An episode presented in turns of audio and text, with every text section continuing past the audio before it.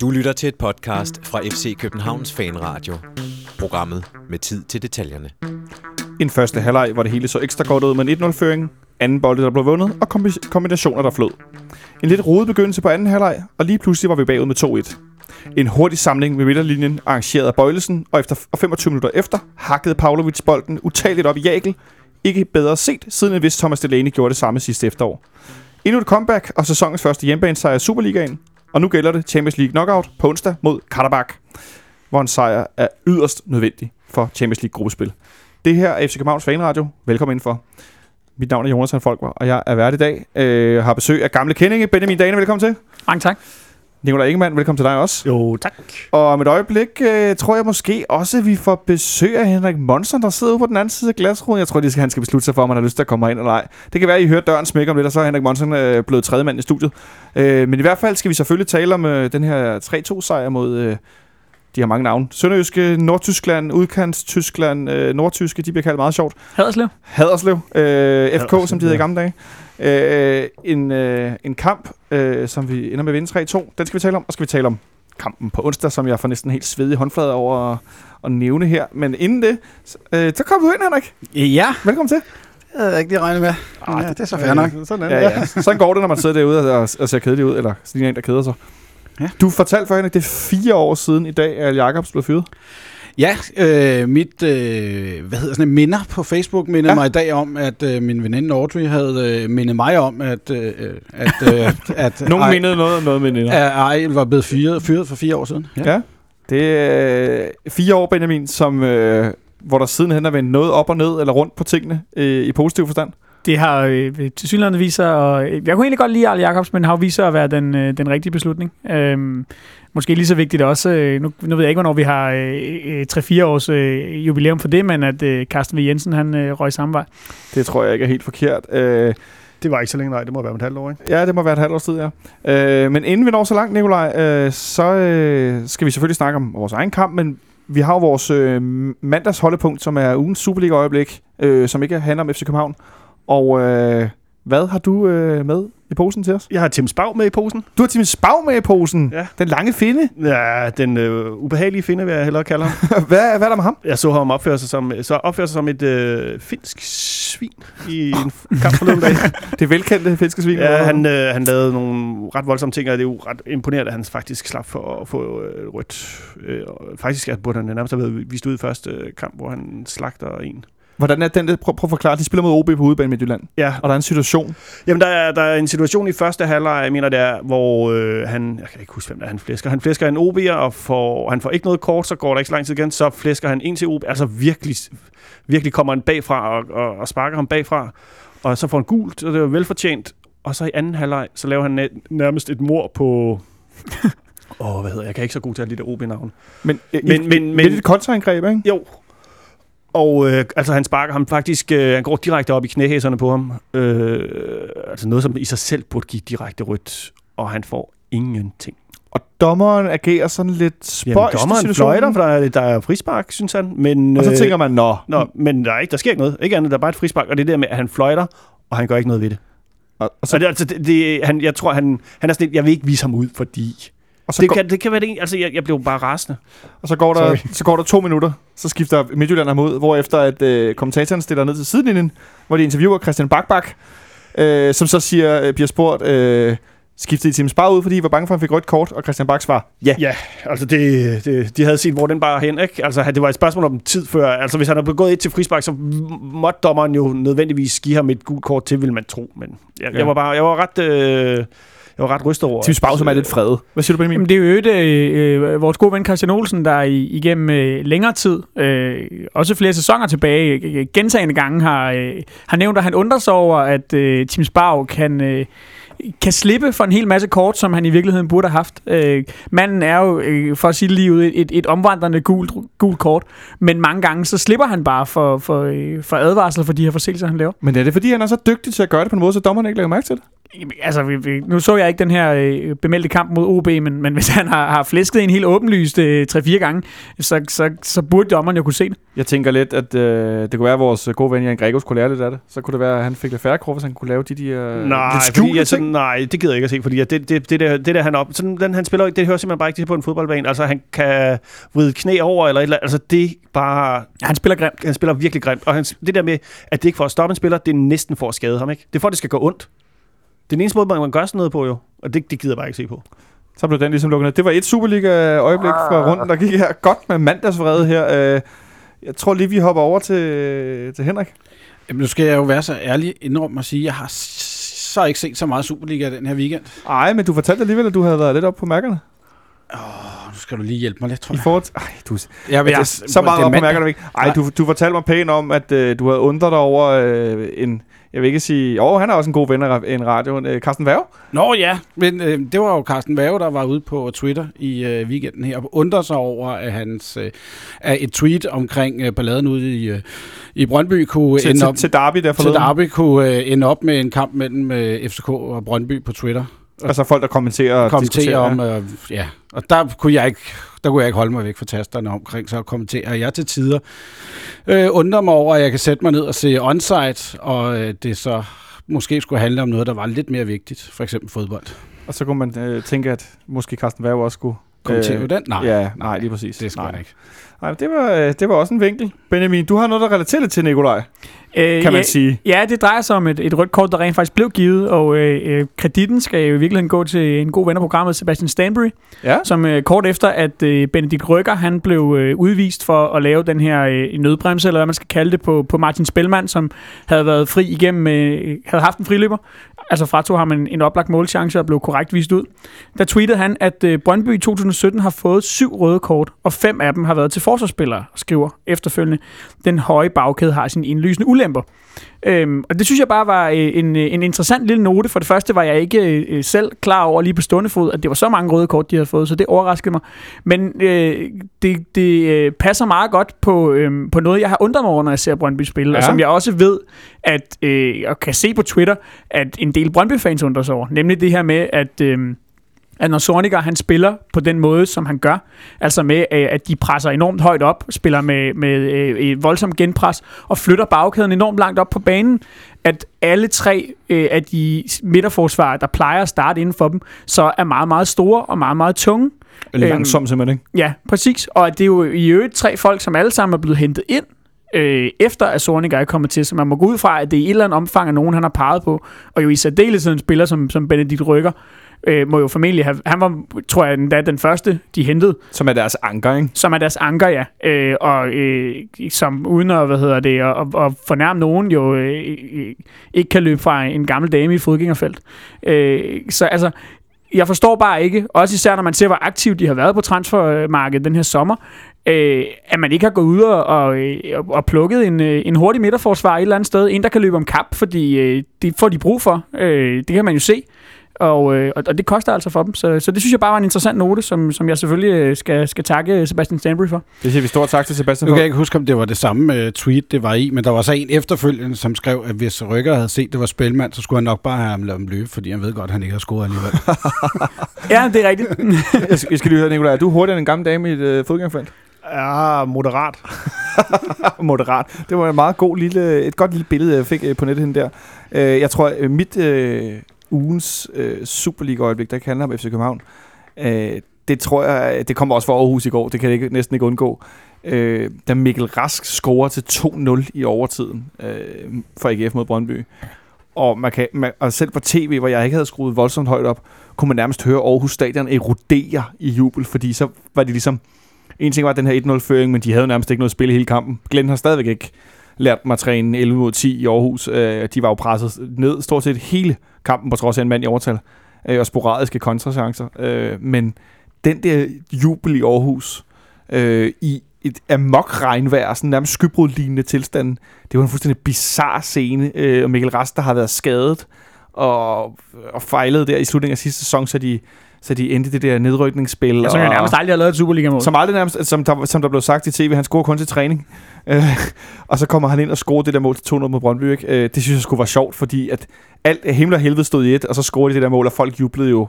Altså så folk i bare overkrop, der var så våde, så det nærmest drev noget af dem. Ikke? Det synes jeg var et, øh, det var et meget fint øjeblik. Og så også fordi det var mod Brøndby. Det skal, jeg ikke, øh, det skal jeg ikke lægge skjul på.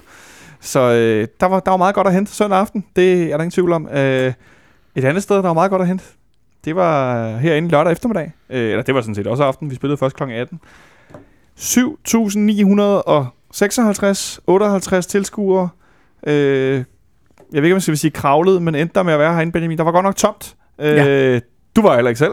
Jeg var, som, et, som et godt eksempel. Jeg var en af dem, der, der var øh, blevet hjemme, og øh, jeg sidder og skammer mig. Det kan man ikke se i... Øh, men men øh, nej, jeg havde en, en, øh, en aftale lørdag aften. Øh, Som man jo har. Og det er jo det, der også har været op at vende flere gange, at, øh, at lørdag aften kan være et, øh, et tidspunkt, hvor at, øh, at folk simpelthen skal andre ting. Øh, det var tilfældet for mig. Det skal jo ikke nødvendigvis være en, en undskyldning for, for lave tilskuertal, fordi man kunne også sige, at øh, man kunne også vælge at prioritere og tage ind og se, se FC København, men, men jeg, jeg tror, det spiller en rolle på en eller anden måde, og, og under andre omstændigheder må man jo bare sige, at øh, under 10.000 tilskuere til en øh, Superliga-kamp i parken, det er, Det er desværre beskæmmende, og, og så må jeg jo tage min øh, del af skylden på mig. Henrik, øh, var du herinde? Nej, det var jeg ikke. Der kan Ja. man bare se. Øh, har de sidste øh, to hjemmekampe været ramt af en, første, en 40-års fødselsdag? Du er simpelthen ramt af fødselsdag. Jeg blev ramt af en 40-års fødselsdag, og, øh, og så blev den 40-års fødselsdag så til et bryllup, og så til en 40-års fødselsdag igen. Og i lørdags, der var en 85-års fødselsdag. Så de der lørdagskamp, de øh, er mange gange bare... Altså, man kan sige, at deres planlægning af kampene er ikke særlig hensynsfuld, kvæg at, at det kan være en måned før, og sådan noget 40-års fødselsdag, 85-års fødselsdag, Det ved man, det er lang er som regel i forvejen i Ja. ret god tid, ikke? Så øh, nej, desværre. Du var heller ikke. Nikolaj, var du herinde? Ja, det var jeg. Det var du da. Ja. Øh, det var da fint. Men Der var ikke så mange, men altså, vi er, det er fint nok at hæfte sig ved de der tilskuertal, men øh, lørdag i august, øh, det er imponerende, hvor mange mennesker, der bliver gift i august, og vi skal alle sammen noget, egentlig. Det, det, det, lørdag, det er bare et dumt tidspunkt. Så lad Og mig- specielt klokken 18. lad mig, spørge på en anden, lad mig spørge på en anden måde. Hvis, jeg ved godt, det er hypotetisk. Tror du, der havde været betydeligt flere, hvis det havde været søndag kl. 18? Altså, hvis det havde været søndag klokken 16, så, så tror jeg, der havde været virkelig mange. Så tror jeg, vi havde været 12-14.000 måske, ikke? Altså, det er så ikke virkelig mange, men altså, der tror jeg, Det, der... det, det, er så cirka næsten dobbelt så mange, som der ja, var. så, havde der, det, så kunne vi godt næsten have... Altså, det, det er jeg ret sikker på. De der ydre tidspunkter, der er øh, omkring øh, lørdag kl. 18 og, og søndag kl. 18, det er sgu bare ikke nogen specielt familievenlige tidspunkter. Nej, hvad skulle jeg sige, Benjamin, et af de steder, nu ved jeg godt, du tænker man også skulle se på fjernsyn, et af, de, et af eller på tv, på fjernsynet, med remoten, med fjernbetjening. et, af- et af de steder, hvor man virkelig kunne se, der var, der var tomt, det var på familietribunen. Og det trækker vel en masse poder under 8-9 år, de kommer ikke ind, når det er kl. 18. Nej, altså det, det kan man forestille sig i hvert fald. Nu, nu er det en, en lille smule svært for mig at, at sætte mig i øh, øh familien med to børns øh, sted. Det, det kan jeg roligt afsløre. Men altså, man kan jo rimelig hurtigt regne, regne ud, at, øh, at det må være et, øh, et dårligt tidspunkt for, for børnefamilier. Øhm, men altså, når det så er sagt, så, så kan man jo heller ikke undskylde det hele med dårlige spilletidspunkter, fordi vi har også set en generelt nedadgående trend, som, som desværre er lidt uheldig. Øh, og, og man kunne måske også øh, stille en lille smule spørgsmålstegn ved, ved, ved billetpriserne, øh, som er temmelig høje for en øh, Superliga-kamp mod, øh, mod Sønderjysk. Jeg mener, at en, en langsidebillet koster næsten 200 kroner, 185 eller sådan noget. Og, og, og over 200 kroner, hvis du, hvis du køber den hernede på gaden inden kampen. Øh, det synes jeg også er mange penge for at øh, øh se FC København spille mod Sønderjyske. Enig. Det synes jeg også, der. Men det var ikke det, jeg vil sige. Jeg ville, jeg, øh, BT havde i går, eller forgårs, om, om, jeg tror, det var Morten Kroner, der havde skrevet en historie om, at øh, tilskuertallene i Superligaen, det rasler ned, og det øh, FCK øh, er nu havde en nedgang, som var den tredje dårligste nedgang i forhold til nogle af de andre hold. I sidste år, og så var jeg sådan lidt, øh, okay, jeg kigger lige, jeg smider lige nogle, øh, nogle kampe i regnark og kigger lige, og så, altså, gennemsnitlig fordi jeg synes, når man ser på de tilskuere, der kommer i parken, så er jeg ret ligeglad med, om det er Superligaen, om det er Europa League, eller om det er pokalkampe. Det er ligesom parken, du går til fodbold i parken, om hvem det er, hvad det er for en turnering, det er fuldstændig ligegyldigt. Ja. Og der ligger, så var sidste år, de der, igennem de sidste 10 år, så var sidste år det tredje bedste år.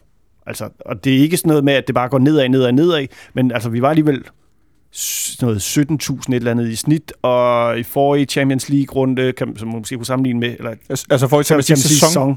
øh, der var vi sådan noget 17.400, og så eksploderede det så tilbage i for, for 10 år siden, ikke? med en 20.000 i snit. Ikke? Men, men, men det er, det, man prøver ligesom at puste, puste op, at der er tilskuerkrise i parken, og, men det er sgu Superligaen, der er tilskuerkrise. Det er sgu ikke så meget FCK, der er. Jeg kunne så også øh, måske smide en teori i luften, der hedder, øh, at øh, dem, som vi, vi omtaler som marginaltilskuere, dem, der kommer nogen gange, øh, og ikke, øh, ikke sæsonkortholder, men dem, der kommer ind nogle gange, og netop måske synes en billet på dagen er dyr, som Benjamin er lidt inde på, tror du, altså jeg, jeg kan ikke lade mig at tænke, de bliver vel heller ikke inspireret af at gå til FC København-kampen, når de på tv ser øh, ballade øh, til Derby ude i Brøndby?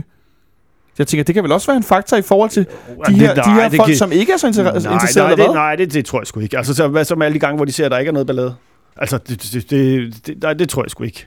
Jeg tror snarere, hvis noget, så tror jeg måske, at det kan få dem til at holde sig væk fra, fra de store kampe. Altså, holde sig, altså lad være med at tage til Derby, for Ja, eksempel. det tror jeg også. Jo, men, jo, men, men det, jeg tror ikke en almindelig Superliga-kamp, hvor der, hvor der kommer øh, 50 øh, fans fra Sønderjyske, som har glemt, at der er boykot. Altså, det, jeg, jeg tror ikke, det er det, der, der skræmmer dem væk øh, fra parken. Altså, jeg, jeg tror også, at, det, det, at man arbejder med at, ligesom at finde et eller andet leje, hvor man ligesom kan få aktiveret de her øh, mor og far og to børn øh, på en eller anden måde. Og det går jo, det, hvad sidste år så vi jo, det gik strålende med den der familietribune, og jeg tror også, at når spilletidspunkterne bliver lidt bedre, for det er nok den største udfordring, spilletidspunkter, og så bagefter billetpriser, så, øh, så skal vi nok se noget fremgang igen. Men Henrik, hvorfor skulle spiltidspunkterne blive bedre, hvis nu kommer vi i det ene eller andet gruppespil?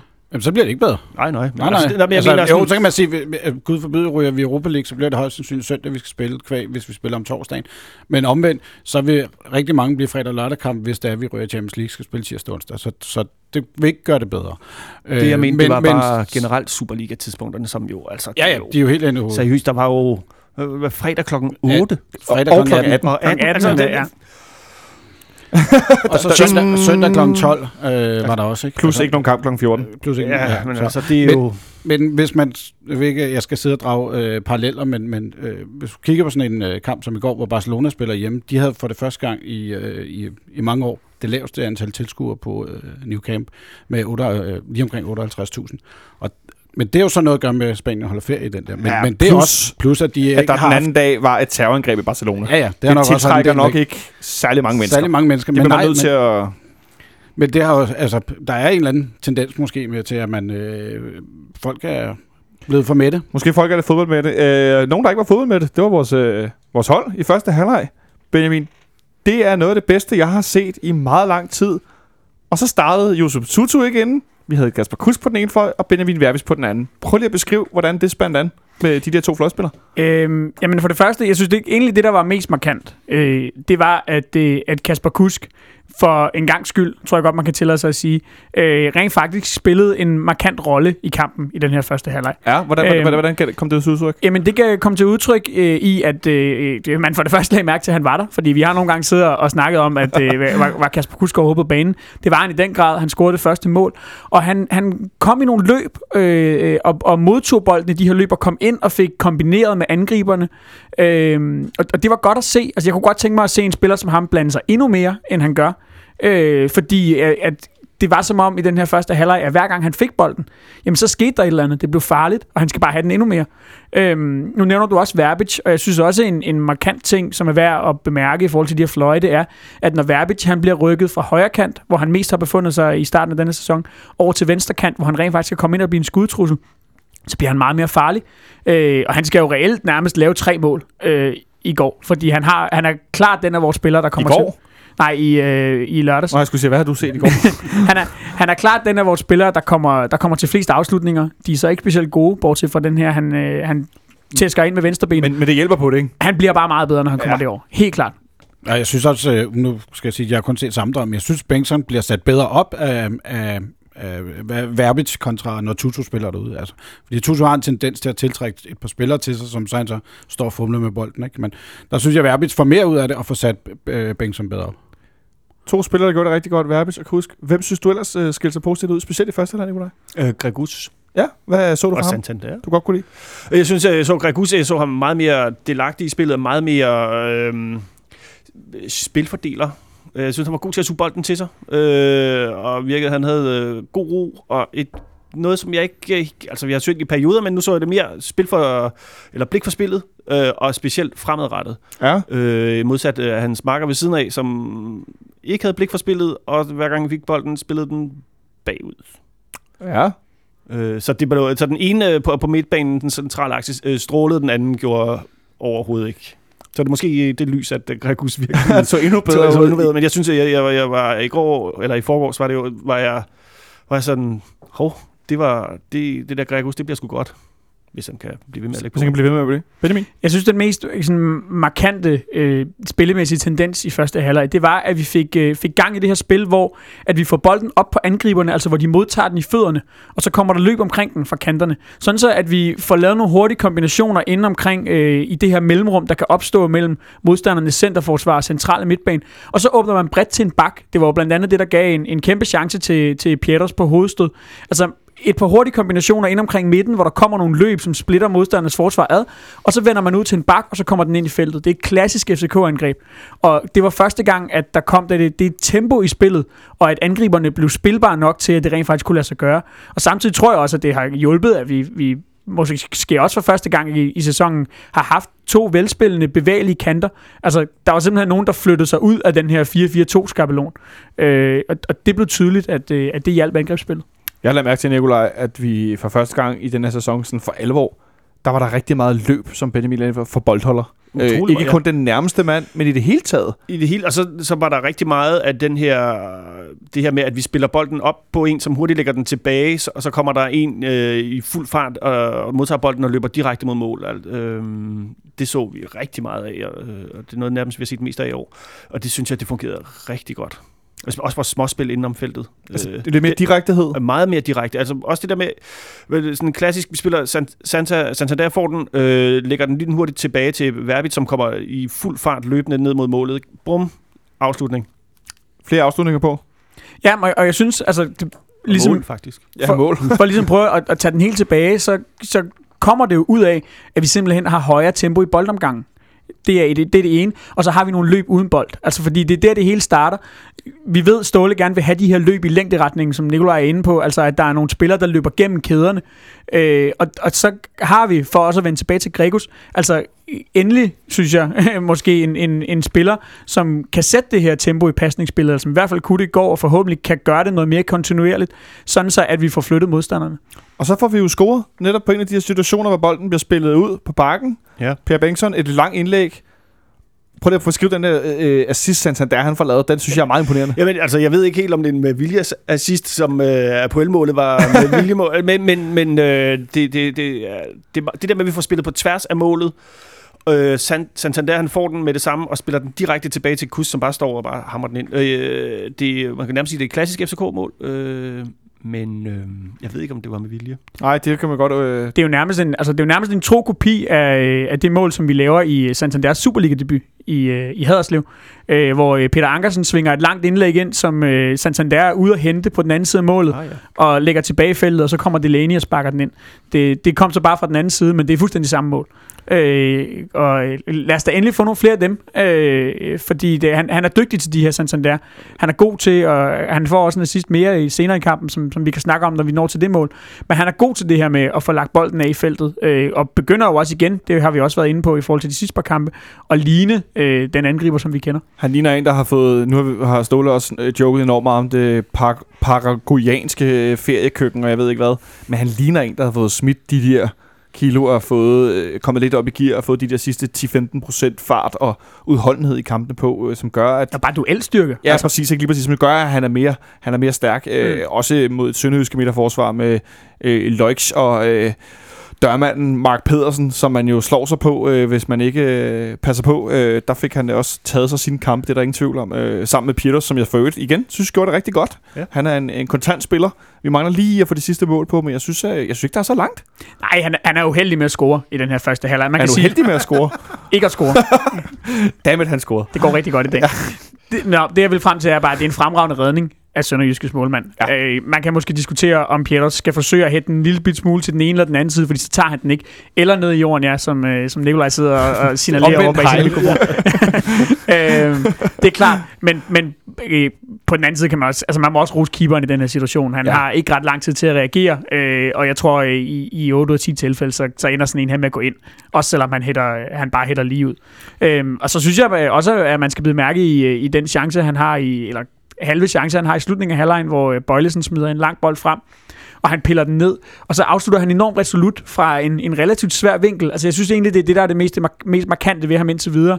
Øhm, han har en lignende situation herinde i hjemmekampen mod Varda også, hvor han får afsluttet fremragende på en svær bold. Han er bare en god afslutter.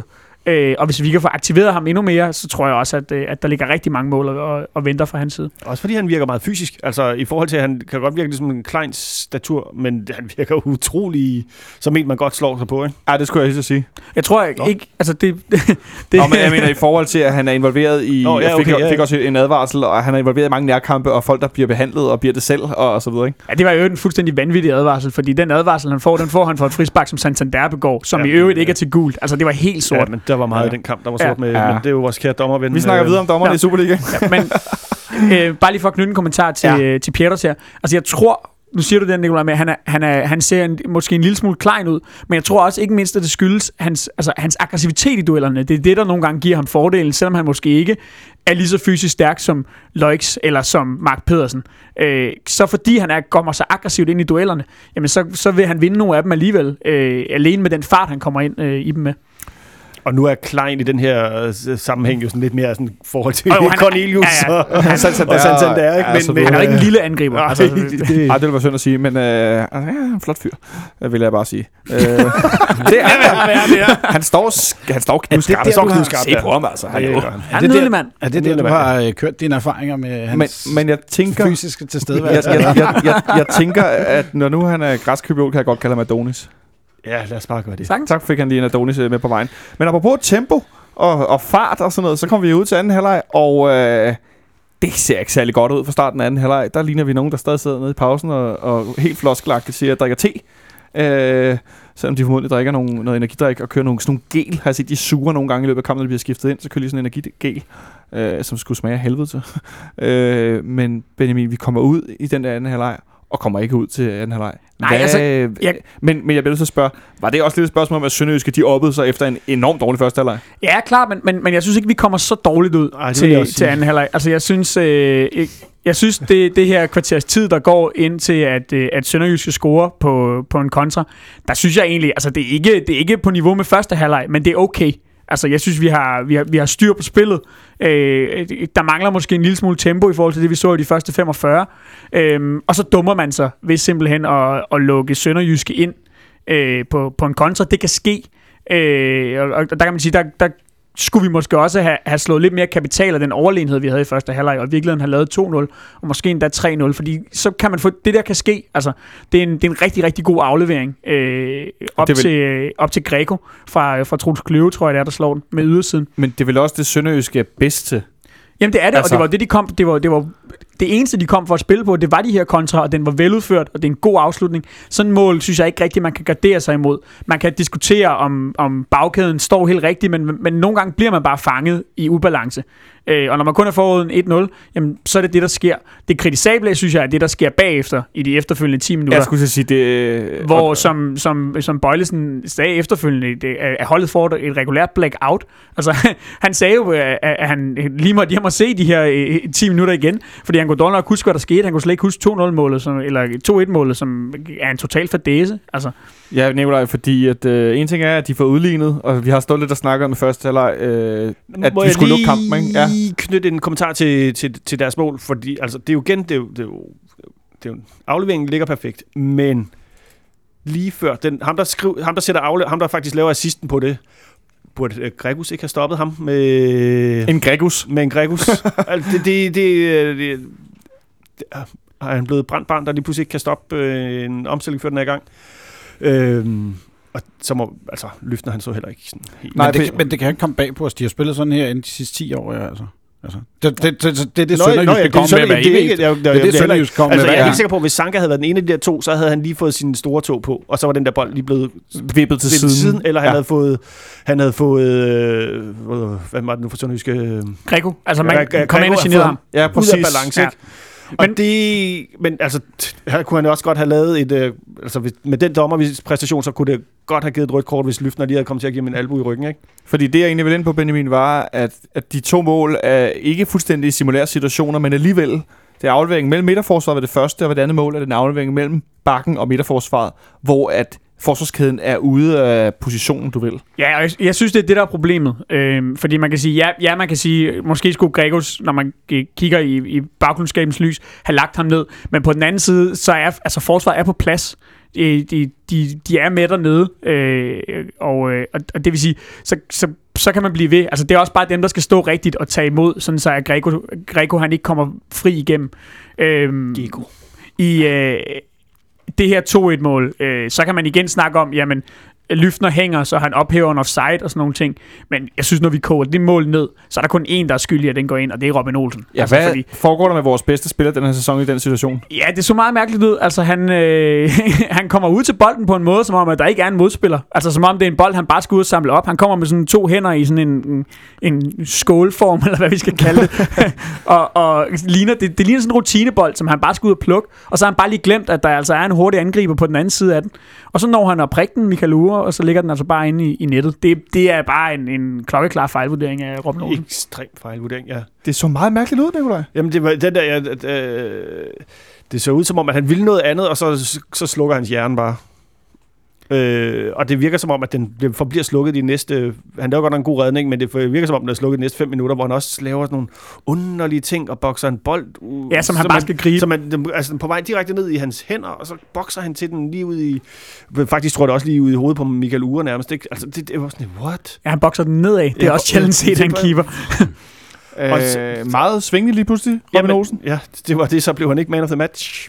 Ej, det skulle jeg helt at sige. Men han plejer jo i løbet af sæsonen at have sådan en-to stykker af det der, ikke? så er det overstået. Så, så nemlig, det er lige præcis det, jeg tænker, nu er det overstået, og så øh, behøver vi ikke have den på onsdag, for eksempel. Hvis det kan være en kamp, vi vinder, så er jeg i hvert fald rimelig tilfreds. Øh, det, der sker efterfølgende, er, at øh, det, det er faktisk det, som der øh, efter kampen øh, herinde øh, ude foran parken, der var rigtig mange, som jeg snakkede med om kampen, der kom ind og bemærkede, at i situationen efter de scorede til 2-1, der øh, går Nikolaj Bøjlesen op øh, til midterlinjen, op øh, midterpletten, hvor at, øh, øh, vi skal sp- sætte spillet i gang igen, og så kalder han ligesom alle spillerne sammen, øh, og så har de lige en rådslagning i 7-10 sekunder, 12 sekunder. Det virker ikke som en rådslagning. Nej, det er, det er- det er Bøjelsen, der beordrer. Nu skal vi Han sætte råber folk med at tage os sammen. Ikke? Prøv lige, og han klapper sådan med, med, sådan med, med bagsiden af hånden mod den anden hånd, sådan, og kigger lige rundt og sådan, hallo, nu skal vi være der, ikke? Og det, det der sker, er, at øh, spillet det løfter sig f- for sekundet efter nærmest. Øh, sådan lidt ligesom, øh, da Gregus blev udvist mod Varder, Benjamin. Øh, at det, øh, at, at jeg stod sådan lidt og tænkte, det er lidt sjovt, at, at det virker som om, der indimellem skal sådan en, der skal sådan en eksplosion, der skal sådan et, et, et, et bombshell, eller hvad det hedder. Ligesom han for selv fortæller, at han har 10 minutters blackout. Fordi efterfølgende er vi jo også usikre og så videre, men så langsomt, så retter det sig op, øh, og vi skifter ud. Ikke mindst. Det er næsten det, jeg har skrevet med størst bogstaver på mit papir. Øh, at 10 minutter, øh, 7-8 minutter efter, at Sønderjysk skal score til 2-1, der bliver William Kvist skiftet ud øh, med Josef Tutu. Øh, Bøjlesen overtager anførbindet, og øh, så synes jeg, spillet ændrer karakter nærmest med det samme. Jamen, altså, øh, den her rådslagning i, i, i midtercirklen, som, som Bøjlesen laver, øh, rådslagning er det jo så ikke, han, han, han, han, deler, han deler ordre ud og beder folk om at tage sig sammen. Øh, det, var godt at se, synes jeg, fordi at øh, øh, der lignede Nikolaj Bøjlesen den leder, som jeg øh, øh, hele tiden har regnet med, at vi vil få i ham. Øh, Ja. Altså, en Regnet mand, eller håbet? Øh, håbet og regnet med. Altså Okay. begge, begge dele. Jamen fordi selvfølgelig, han, han kommer med, med anførerfaring fra, fra Ajax, og øh, har spillet masser af internationale kampe, øh, så jeg vil måske endda bare sige forventet. Altså, Ja. det, det skulle komme det der. Det er, ham, der skal, det er ham, der skal være med til at tage det der ansvar. Det er ikke kun ham, men han er en af dem, der skal gøre det, og særligt i den situation, hvor, hvor at, at han spiller nede i midterforsvaret nu, og er en af dem, der ligesom skal være med til at, at holde styr på strukturen i holdet. Men jeg tror, i sådan en situation, hvor at, at hele holdet bare blackouter, der handler det også om, at, at spillerne kommer til at løbe lidt hver for sig, og kommunikationen er måske ikke helt, som den skal være, og, og der er ikke rigtig nogen, der tager ansvar, og, og jeg tror, det det som den her, altså effekten af det, han gør, er simpelthen også, at bare der er nogen, der, der rusker op i holdkammeraterne, og lige husker dem på, at, at altså, nu, nu bliver vi skulle lige nødt til at, at, at tage os sammen og huske de aftaler, som, øh, som vi har lavet før kampen. Ja, specielt det sidste. Nikolaj? Jamen, jeg vil bare sige, at det der med, at vi er et hold, vi, vi kan vinde det her, ikke? Altså, det, i stedet for, at man bare går ned med fladet individuelt, der er sådan et, øh, det var også dårligt vejr, ikke? Og hvor blev den sommer af, og løber rundt og tænker på noget andet, ikke? Men min point med det var egentlig også lidt det der, øh, som Benjamin er lidt inde på, at han ligesom tog styring over, at vi godt kan vinde kampen, vi godt vinde Ja. kampen. Altså, det der med ligesom at Men Snap out of it. men, Kom nu. Men det er først de der næsten 10 minutter efter, hvor Chris blev udskiftet med Tutu, at jeg synes, effekten egentlig for alvor træder ind. Yes. Øh, altså, nu er det ja, ikke fordi, jeg... offensivt, men, men, ja, men, men strukturen i holdet øh, vender jo tilbage, synes jeg, det er allerede ja, fra. lige præcis. Altså, det, det, der synes jeg egentlig, at man får rettet relativt hurtigt op, men så er det rigtigt, og så bliver der lavet nogle, øh, nogle, nogle taktiske justeringer, som, øh, som Ståle også har, har held med. Men der går, der går yderligere 10 minutter, før vi laver øh, de to øh, sidste udskiftninger. Ja. Øh, en dobbeltudskiftning, hvor det ligesom er tydeligt, at nu skal vi tilbage på sporet. Vi skal have, øh, have vundet den her kamp, og vi skifter en noget træt Peter Ankersen ud med Daniel Mankva, som kommer ind igen.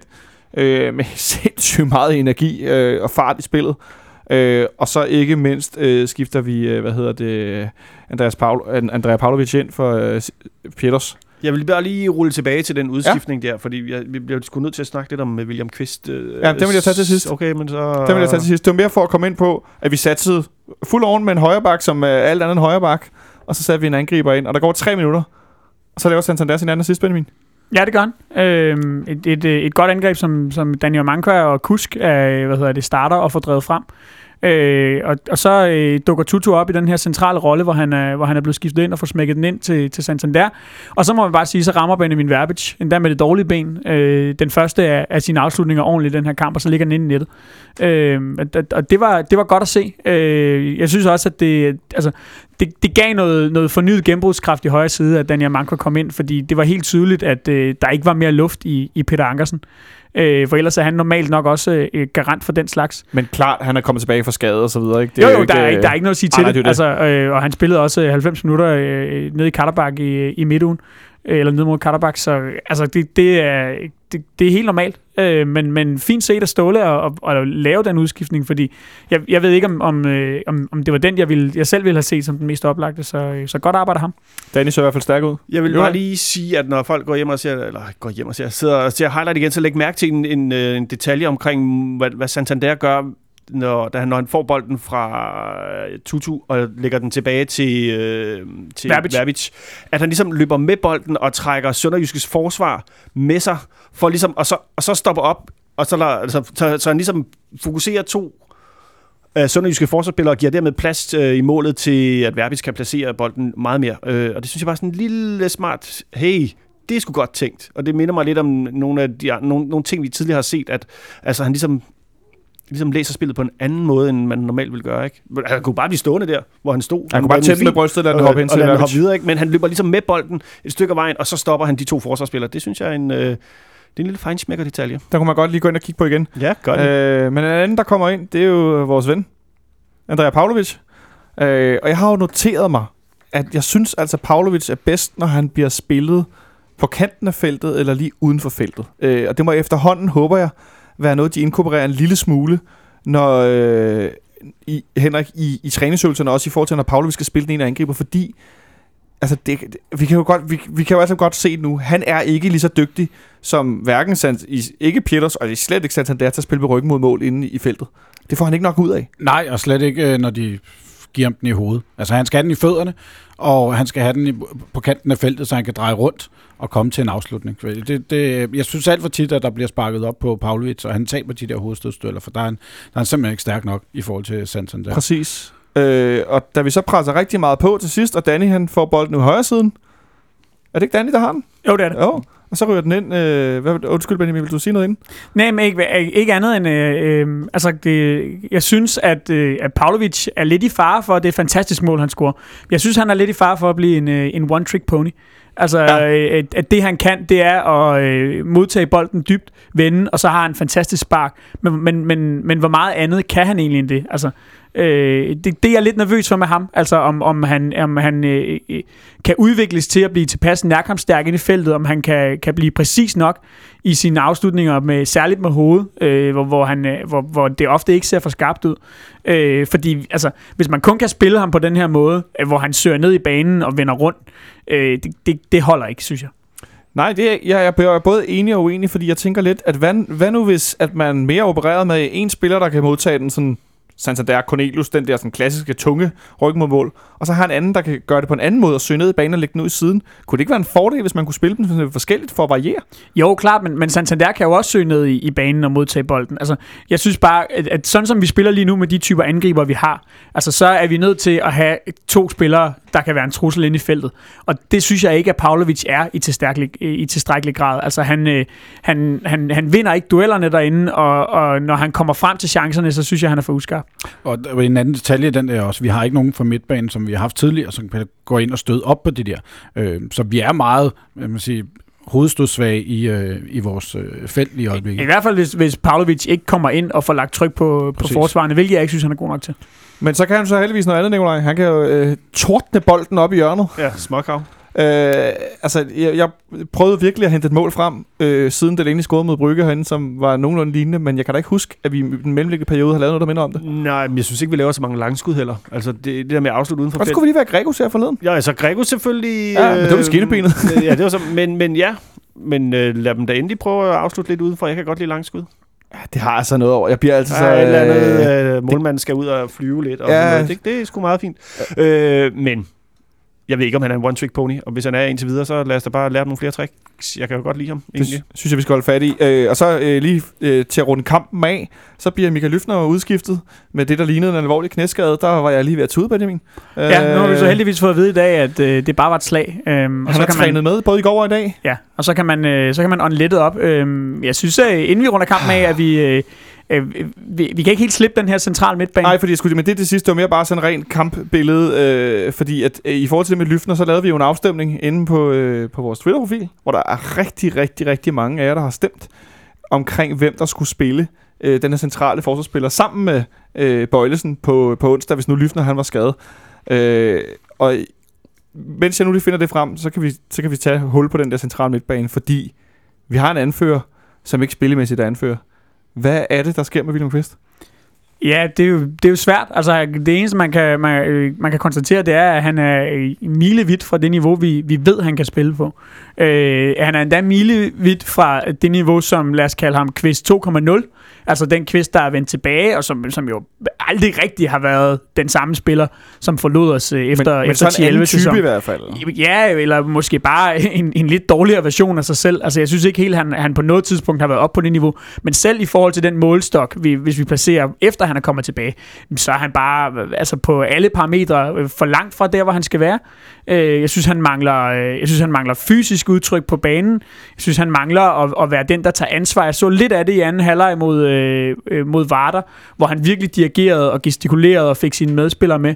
Men, men det, og, og så, altså, problemet med ham er, at når, når ikke vi har hverken sådan det fysiske udtryk, når ikke han kommer i vejen for tilpas mange øh, af modstandernes angreb og for, for, for stoppet dem, for lukket nogle huller, øh, og når han heller ikke er den leder på banen, som han skal være, jamen så, så er der bare ikke rigtig ret meget idé tilbage i at have ham på banen, fordi han bidrager jo ikke med noget offensivt. Øh, og- problem, han, han mangler på de der afgørende punkter nu, hvor vi ved, at selvom han er en begrænset fodboldspiller, jamen så kan man alligevel, så er han alligevel meget værd i et FCK-system, fordi han så kan nogle andre ting, og det kan han ikke lige nu. Nej, han, han ligner meget øh, landsholds-William. Øh, hvor han har en tendens til på landsholdet altid at spille baglæns og sidelæns, og det er sådan set cirka det, han bidrager med på landshold. Og det er den William, jeg synes, vi ser i øjeblikket. Der er ikke, som du selv er inde på, ikke særlig meget fremadrettet fra ham. Det er på tværs og tilbage, så måske øh, knap så... Jeg, jamen, jeg synes også, øh, han minder mere om den William, som, altså, som var nærmest i den stand, hvor vi fik ham tilbage. Ikke? Altså hans hoved er, og tanker er måske lidt et andet sted, og hans fysik er ikke helt til det, og det, og det undrer mig lidt, fordi jeg synes jo, at, at i sidste sæson spillede han godt, og vi, øh, det kan godt være, at det ikke var den bedste udgave af William, vi så, men det var en god udgave af William, vi så. Men noget, jeg blev mærke i, da, under kampen øh, mod Sønderjyske, det var den der måde, han ligesom, øh, helt, han ville gerne ligesom dirigere, hvor spillet skulle hen, Problemet var bare, at dem, der så havde bolden, de spillede altså bare ikke den vej, hvor William ville have den hen. Og det begyndte jeg bare sådan at bide mærke i. Okay, nu står han og peger den, han skal spille den den vej, men så ryger bolden, så Gregus vender med bolden og sætter et angreb i gang i stedet for. Og det så jeg bare flere gange, og det er jo ikke særlig godt, at den, det, som William Kvist mener er den rigtige måde at spille på, faktisk ikke er den optimale måde at spille på. At der ligesom er nogen på banen, der siger, okay, der er bedre muligheder, hvis vi gør det her. Det, det blev jeg både sådan lidt, lidt jeg var sgu ikke ked af det over det, men Åh, bare det gjorde du lidt, vel? Jo, det gjorde jeg. Bare sådan lidt, hov, det er ikke okay det her. Det er, det er meget problematisk for en anfører, hvis, øh, fordi det, hvis det, altså, det, jeg lagde ikke personligt mærke til det, men hvis det der, det passer, jamen så, så har vi jo et tilfælde, hvor vi har en anfører, som ikke har den tilstrækkelige autoritet, der skal ja. til. Fordi et, at, når en anfører siger, at vi gør sådan her, så gør vi sådan her. Altså, det, det, der kan ikke være plads til øh, at stille spørgsmålstegn ved det. Men og, igen, og problemet er så også, altså man kan sige, problemet er så også, hvis han vælger de forkerte løsninger, det, det er svært at, udtale sig om, men bare det her med, hvis vi har en, en tendens, hvor at vi har en anfører, som ikke er den, der går forrest, og som de andre spillere måske ikke stoler på i tilstrækkelig grad, jamen så øh, det, det ødelægger jo også hele lederskabet på banen, og så er det jo så, at, at, at Bøjlesen måske ender med at blive øh, de facto anfører i stedet, fordi der er så en anden, der skal udfylde det her tomrum. Jeg synes, det primære problem med lige nu også, som du selv siger, er det her med, det er ikke ham, der styrer spillet. Nej, Det er ikke ham, der går ind og, og holder boldcirkulationen i gang. Og det er ikke ham, der, det er ikke ham, der styrer slagets gang. Og han er, har- er jo et stålets forlænget arm på banen. Det har vi jo set i mange, mange tilfælde. Og det kommer bare ikke til udtryk lige nu. Henrik, øh, hvordan øh, tror du, at vi skal løse den her problematik med William Kvist, som jo er vores anfører og den, der kender systemet bedst, øh, i forhold til, at han jo ikke præsterer, som vi håber? Øh, jeg tror ikke, at du kan nu og her ændre på det, øh, men der kommer jo en landskampspause her, hvor han jo så er væk med landsholdet, men altså efterfølgende måske øh, prøve at lande en anden konstellation på midtbanen i en kamp øh, efter landskampspausen, så hvor han øh, får lov til at starte ud. Men jeg synes, det er meget sjovt, at I, øh, øh, alle sidder her og siger, at det er en, en William Kvist, som ikke er en fysisk øh, øh, stand, som man kunne forvente. Var nogen af jer, der så, da han gik rundt herinde med en øh, ja, med han bare overkrop? Men, men, men det, det, det synes jeg faktisk, øh, og det har jeg også tænkt over tit, at vi, har- i, i, og den her op, tit har vi snakket hen om, at det her nye hold, holdet i år, ser ikke ud som om det er så fysisk go- godt i stand, som det har været tidligere. Og altså, den, den køber jeg jo ikke helt, fordi fysisk øh, kan man jo godt have, man, altså, nu jeg lidt, men det jeg vil frem til, det er, at man kan jo godt være i super god fysisk form, men hvis hovedet så bare ikke helt er der, hvor det skal være, så er din fysiske form ligegyldig. Altså, der kan du Ja, være nok det- så stærk, men og hvis, Hvis du benene bare- heller ikke er der. Altså, hvis, så, hvis du ikke ligesom kan få din hjerne til at sige, at din ben skal løbe, så kan du godt være, at du kan løbe en maraton, men de løber altså kun 4 km. Benjamin, det er ikke nogen hemmelighed, at øh, vi tidligere har haft anfører, som har øh, siddet på bænken i perioder. Hjalte Nørgaard, Thomas Delaney. Øh, meget tyder på, at vi forhåbentlig, inden transfervinduet lukker, køber en central midtbanespiller. Øh, tror du, William er... Ja, det er lige før, så kan ham og Matic trække sorte pære sammen. Tror du så, William han er, ryger bagerst i køen der? Jamen, jeg tror absolut ikke, William er fredet. Altså, øh, jeg tror sagtens, at han kan, han kan ende på bænken. Jeg har lidt svært ved at se, at det skulle være Martic, der slår ham af, fordi øh, det, ja, det er, altså, Martic og Grego sammen på den der centrale midtbane, det, det har jeg svært ved at se. Det Så er vil, kun i en så vil jeg trods alt hellere spille med en, med en dårlig version af, af William Kvist. Øh, det kan han godt. Øh, nu skal vi jo snakke lidt om, øh, om de her transferrygter lidt senere, men jeg synes måske også, at vi, øh, vi lige skal nå, inden vi lægger kampen ned, og, øh, og rose Josef Tutu for øh, den øh, ene gode præstation, tror jeg godt, jeg kan tillade mig at sige, han har lavet i den her sæson. Øh, han så god ud på, øh, på central midt. Øh, Ja, det går han. han, han kom ind og, og fik sat noget skub i spillet offensivt, øh, og, og tog bolden til sig, og fik, fik distribueret den, og havde jo også en fod med i det her 2-2-mål. Tutu og Kusk, når Tutu også spiller godt, der sker altså et eller andet med de der små kombinationer og så videre. Der er, og det var helt tydeligt, at Tutu var mere konsekvent i sin boldomgang, og i, når han spillede bolden, han driblede også lidt indimellem, men der var ikke så meget at drible hele tiden. Men de der, altså, når han spiller centralt, og Kusk kan søge ind og så videre, så, så sker der altså virkelig noget øh, i forhold til et forsvar, der står dybt. Og det, øh, var, der blev jeg sådan helt, yes, Tutu, det er det der, du skal. Ikke? Så bliver han altså, så bliver han en kæmpe gevinst lige pludselig. Jamen, han, han, han er jo en kæmpe gevinst. Han er en god spiller. Altså, øh, det, vi har bare slet ikke set noget af det her fra ham i opstarten. Og, og det er da rart øh, at vide, at øh, vi i et eller andet omfang forhåbentlig øh, stadig har ham som et aktivt trum. Jeg vil bare lige slutte den der kvist øh, Ja. af med at sige, at jeg tror, han kommer tilbage til sit øh, vanlige jeg, og at der er ingen grund til, at den ikke skulle fortsætte med at være anfører. Nej, det gør jeg faktisk heller ikke. Nej, og der er en anden vigtig øh, detalje omkring det der. Altså, hvis Martic havde været der, så var det også ham, der var kommet ind og afløst Kvist, i stedet for Ja. eventuelt Tu- øh, eller i stedet for Tutu, der gjorde det. Men vi har jo i flere år siddet herinde og råbt og skrevet på, at Tutu skal ind og spille på den centrale midtbane, fordi vi får meget mere ud af ham, når han spiller derinde, kontra når han spiller ud på, på kanten, selvom man ja, sidste års i Champions League-kampagnen, den, øh, der spillede han jo fantastisk. Ikke? Men, men jeg synes, vi får meget mere ud af, af, af Tutu end midt centralt på banen. I hvert fald som det er lige nu. Ja ja. Om et øjeblik, så finder vi ud af, hvad der eventuelt ellers skal ses, øh, ske centralt på banen, og så tager vi lige den der afstemning, vi har øh, haft kørende på vores Twitter-profil, øh, når vi øh, kigger frem mod kampen på onsdag mod Karabakh. FC København, Benjamin, er i den grad i transfermarkedet, fordi at vi har en skadet Erik Johansson, der er ude ja, nærmest resten af sæsonen, var jeg lige ved at sige, hvis det går helt galt. Øh, og vi har en, en ikke så stor trup, så, og der er mange rygter i øjeblikket.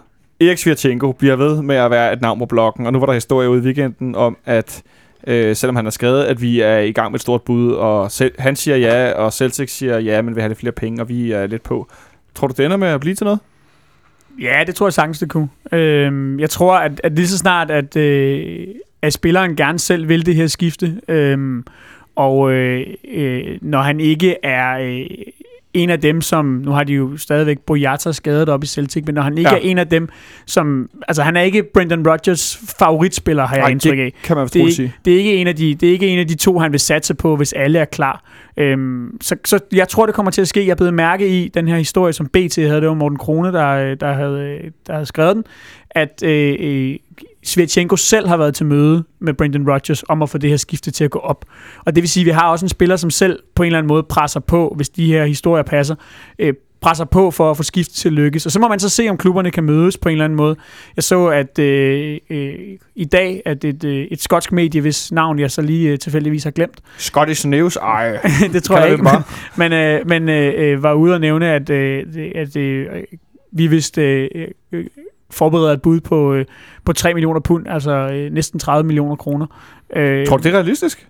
Jamen, altså, det, det, er, jo, det er jo deres... Øh, de, det, det er jo deres historie, det er deres kilder, der siger det. Øh, det kan vi jo sagtens, altså lægge 30 millioner for en spiller, hvis det er det. Det har vi jo gjort før med Andreas Cornelius. Så, så ja, altså jeg, det tror jeg. Øh, Erik Svitjenko er så tilpas meget en ønskespiller for Ståle Solbakken, øh, at jeg tror, han vil strække sig meget langt. Altså, det er jo også derfor, at det er aktuelt at hente ham, selvom han er skadet en måned nu, og vi står og, og er tynde i midterforsvar. Det er fordi, øh, tror jeg, at Ståle ved, at han passer så godt ind. Han er så meget den type, vi skal bruge. Altså, han øh, er for det første en kanon dygtig forsvarsspiller, øh, øh men nummer to, han er også en leder. Altså, øh, han er en forsvarsgeneral. Han er en, man kan bygge midterforsvaret op omkring, ligesom vi gjorde med Mathias Sanka. Øh, så ja, jeg, jeg tror, man vil strække sig meget langt for at få den her handel til at, at gå hjem. Øh, men det er klart, at øh, hvis, øh, hvis Celtic forventer noget, der, der minder om, om det bud, der var angiveligt fra Leicester øh, i, øh, i vinter, altså som var på, på øh, omkring 80 millioner kroner, øh, så, øh, så kan vi godt vinke farvel. Det tror jeg for det kommer til at ske. Øh, jeg tror så til gengæld, at det skotske medie har taget lidt fejl af euro og pund, for jeg hørte det som om, vi havde budt 3 millioner euro på ham, og det er i mig væk en noget anden pris end 30 millioner pund.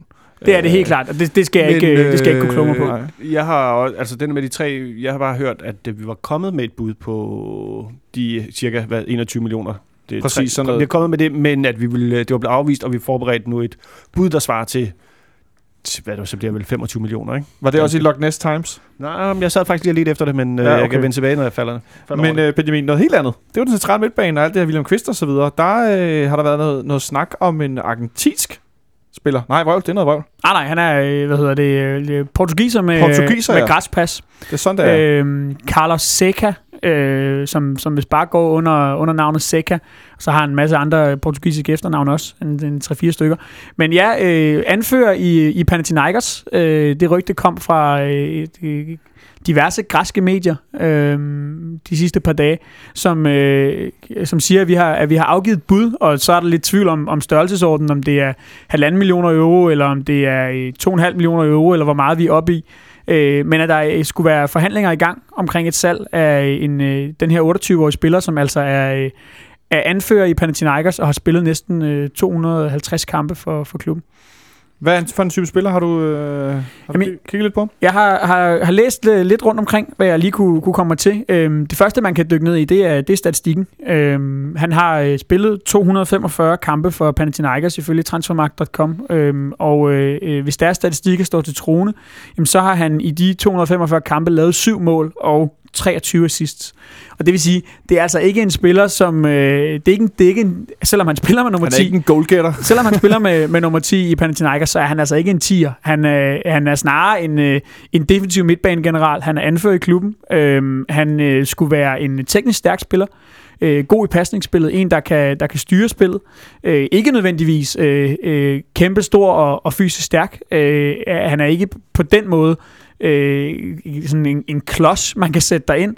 Men altså, han har, jeg, jeg hæfter mig især ved, at han har de her anførerkvaliteter. Altså, han er, en, han, er, han er en spiller, som kan gå ind og tage ansvar, og han kan måske gå ind og tage, nu har vi lige siddet og snakket William Kvist, gå ind og tage noget af det ansvar, som, som Kvist ikke tager lige for tiden. Øh, Henrik, hvad for en signal synes du, det vil være at sende til øh, fodbold men også til Superligaen, hvis vi gik gå ud og hente en, øh, en anfører i en klub som øh, på en størrelse, øh, øh, altså Panathinaikos størrelse?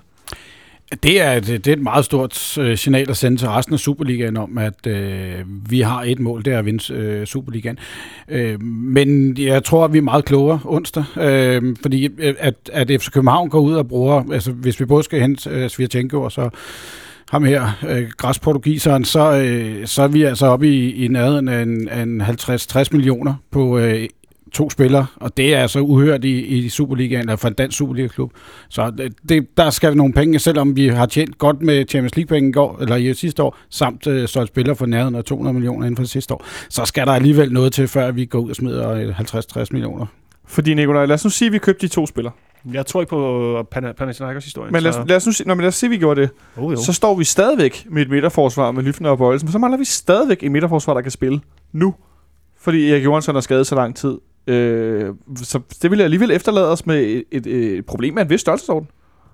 Ja, Øh, jeg tænker, altså, så er vi, vel, er vi vel i markedet endnu en gang i forhold til at skulle have en, der kan gå ind og dække det her, og tror du, de kunne finde på at gå ud og lege en? Nå, men altså, nu skal, hvis, hvis vi nu siger, at vi henter Svajtjenko, så er han vel ude i... han er uden måneds tid nu, Han, er ude en måneds tid nu, ikke? Øh, og det Og vil så er vi sige, meget skrøbelige den måned. så er vi meget skrøbelige. Den måned, landsholdspausen starter om to uger, ikke? Jo. Og varer 14 dage. Suk. Så, så er den måned gået. Øhm, så jeg, jeg, jeg ved det sgu ikke. Det, jeg, er ikke. jeg er ikke sådan ekstremt bekymret over, at vi ligesom skal spille en eller to kampe øh, i, i september måned med øh, selv en Champions League-kamp eventuelt med, øh, med Lyfner og, og Bøjelsen. Nej, altså jeg tror altså, at man øh, netop fordi, at, at Ståle virker så, så forhippet, hvis historierne taler sandt, på at, at det skal være Svirchenko, vi skal have, fordi han passer så godt ind, det er jeg også helt enig i, jamen så, øh, så tror jeg, man, man vælger at satse og sige, at, øh, altså, så, øh, så hudler man sig igennem med, øh, med Michael Antonsson, øh, som, øh, som øh, halvkompetent, tror jeg godt, vi kan sige, uden at fornærme ham, reserve i det her midterforsvar, og så håber man på, at øh, næste gang, at øh, Erik Lyftner, han slår sig i en duel, at det så heller ikke er alvorligt. Øh, det kan man så mene om, hvad man vil, men jeg tror ikke, at vi går ud og leger en eller anden midterforsvar. Også fordi det, der er problemet med det, er også, at øh, det er også en spiller, der måske vil skulle spilles ind, og det vil sige, hvor meget gevinst får man fra dag 1 ved at lege en eller anden, øh, som ikke kender systemet, øh, til netop den plads. Øh, det, det kan jeg godt blive i tvivl om. Øh, vi har jo gjort det en enkelt gang før med, med Margrethe, lige inden transfervinduet lukkede, øh, og med blandet succes. Øh, han var også et halvt år om at, at komme til at ligne en, en FCK-forsvar. Men jeg synes også, at skulle vi gå ud og bruge 50-60 millioner på, på de to spillere, så efterlader det os stadigvæk med Ankersen alene på højre bak, som vi ikke har nogen backup for, skulle Ankersen gå hen og blive skadet igen, så er vi stadig tynde derude, og der skal stadig hentes en spiller, som vi skal ud. Vi skal ud og have en, en højre bak også, det er efter min, øh, min overbevisning. Så øh, to midterforsvar, en højre bakke og en central midtbane. Nej, det er jeg ikke enig i. Altså, det, Der kommer Hyggelig vel også tilbage og resten af efteråret. Ja, altså Hyggelig skulle øh, angiveligt være tilbage øh, en gang i slutningen af måneden, starten af september. Øh, så, så det tror jeg, man... Øh, altså, så finder man en anden løsning. Øh, så, så må man bruge Daniel Mankva i et par kampe dernede eller sådan noget. Nu, Nikolaj Se- Thomsen kan jo spille den igen. ja, Nikolaj Thomsen igen. Nu ser det jo lige pludselig ud til, at, at Danny rent faktisk er, er blevet et, øh, et, et alternativ i truppen. Altså en, man rent faktisk har tænkt sig at bruge efter at have lignet en mand, der mest af alt var på vej ud. Øh, for lige at knytte en, en enkelt kommentar til det her øh, øh sikkerrygte, øh, inden, vi, øh, inden, inden vi lukker transfersnakken ned, jamen så, øh, så var øh, øh journalist fra, på Ekstrabladet, Morten Espersen i dag, øh, har tweetet, at øh, øh, kilder fortæller mig, at FCK vil give Carlos Seca bedste løn i øh, Superligaen, og at Seca nu vil have det samme i Panathinaikos, og ellers så vil han gerne skifte.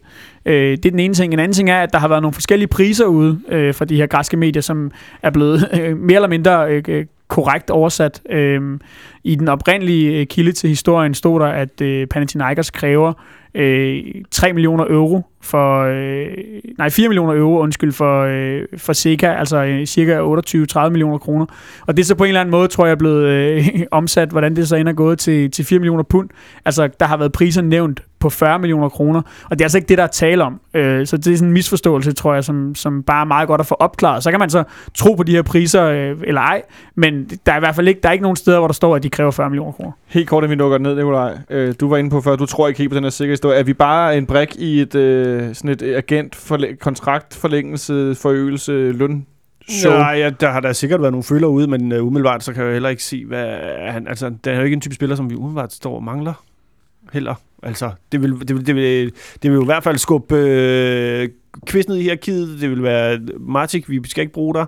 Det vil være...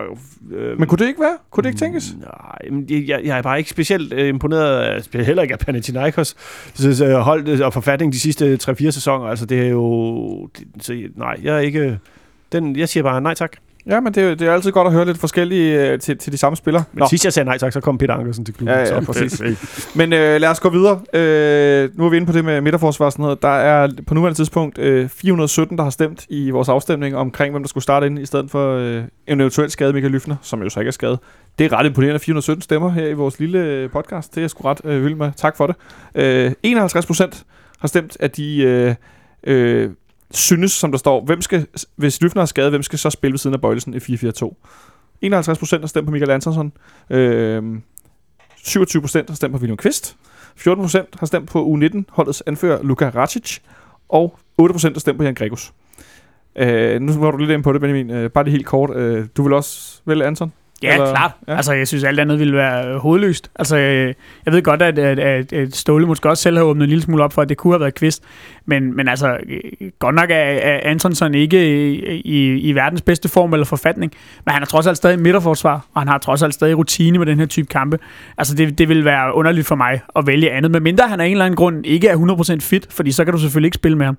Øh, nu er det så heldigvis meget hypotetisk, det her. Det vi tog for, soverne lidt på forskud med den her afstemning. Tak for det, mand. Øhm, fordi, som vi fik nævnt tidligere, så er Lyftner med, så vi behøver ikke at, at, øh, at bryde vores hoveder for meget med det, heldigvis. Ej, men, Øh, han blev skadet. men- det var der. Jeg var men, ved at øh, græde, mand. Men hvis vi, øh, hvis vi skulle have været ændret, jamen, så skulle det være Michael Antonsson. Altså ingen tvivl herfra. Er I enige om den runde af bordet? Ja, 100 procent. Ja, det er jeg egentlig ret glad for, fordi det har jeg slet ikke lyst til at diskutere, fordi han netop er klar lyfter. Men vi skal som sagt spille ind øh, på onsdag i den her afgørende kamp. Vi tabte 1-0 ned i Svedkassen i Baku den anden dag, og øh, så er vi der igen. Sådan lidt varderagtigt. Øh, Benjamin, øh, jeg er sgu ret nervøs for den her kamp, men jeg har alligevel øh, sådan relativt øh, mellemgod fornemmelse i maven. Mellemgod fornemmelse, opfandt jeg lige udtrykket der. Øh, fordi jeg troede, vi ville gøre det dårligere i den første kamp, end vi rent faktisk endte med at gøre. Øh, nu var vi lidt svingende her i weekenden, ender med at vinde alligevel. Øh, hvordan er din fornemmelse for den her kamp? Jamen, altså, hvis ikke vi havde sat de 45 minutter sammen, som vi gjorde i første halvleg mod Sønderjyske, så, så havde jeg nok ikke troet på det. Altså, hvis vi havde fået endnu en, øh, en øh, øh, øh sløj øh, optræden og et, øh, og et pointtab på inde i parken. Men jeg synes, at der var så tilpas meget for forbedring i det offensive spil til, at, at det ligesom løftede min tro på, at det her kan lade sig gøre.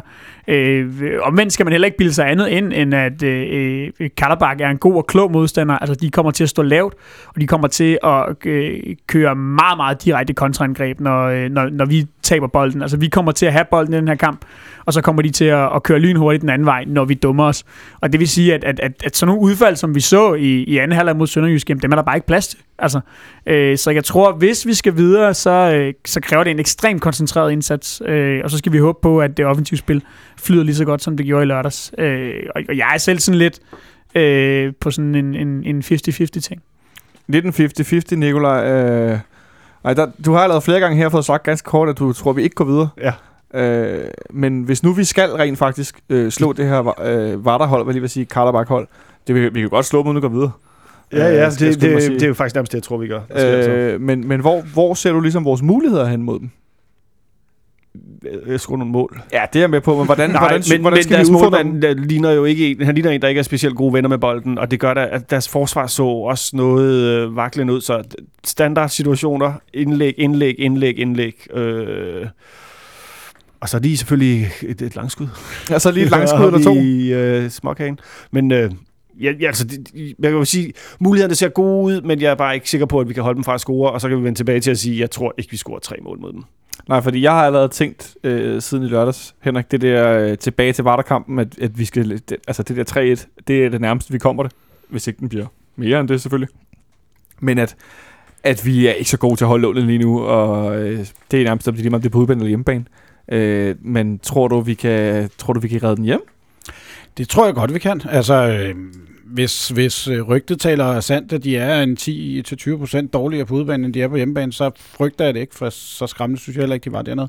Øh, så kan vi tage noget af det med, som vi, øh, vi havde i, herinde i første halvleg i øh, lørdags, så tror jeg godt, vi kan. Øh, og så er det vigtigt, at vi får nogle afslutninger udefra. Øh, og ikke forsøger at spille kantspil, kantspil, kantspil. Det skal, vi må gerne komme ind over midten og prøve på at afslutte for den målmand. Han så ikke ud på nogen god måde i øh, den første kamp. Og så skal vi op og presse ham lige så snart han har bolden. Fordi han, jeg, ved ikke, jeg tror, han sparkede den flere gange ud af banen, end han sparkede op af banen. Øh, så han skal presse. Han skal sættes under pres. Jamen, jeg synes også lidt, lidt som, som Monson er inde på, at øh, ja, vi taber 1-0, og, øh, og ja, vi ser flade ud i den sidste halve time øh, af den her kamp nede i, i Baku. Men jeg synes heller ikke, at Karabakh lignede noget særligt godt hold. Øh, og jeg synes særligt defensivt, at, øh, at, de havde, at de havde svagheder. Og trods det overtag, de havde i store dele af kampen, så er det altså også meget, meget begrænset, hvad de skaber af chancer. Øh, de har en nedfaldsbold efter et, et hjørnespark, hvor at, øh, at øh, Robin Olsen må hive en god redning frem, og så har de nogle, nogle skud fra kanten af feltet. Men åbne chancer, det producerer de nærmest intet af øh, i de her 90 minutter. Og det vil sige, jeg tror, vi skal tilbage til det her med, at hvis bagkæden kan holde koncentrationen i 90 minutter, øh, og det har vi så stadig til gode at se, men, men hvis det lykkes at sætte 90 minutter 90 gode minutter sammen med den her 4-4-2-organisation, øh, hvor vi står i kæderne øh, og er kompakte, så tror jeg godt, vi kan holde dem fra at score. Øh, det, det er min fornemmelse, fordi så, så, øh, så farligt synes jeg ikke, de så ud offensivt.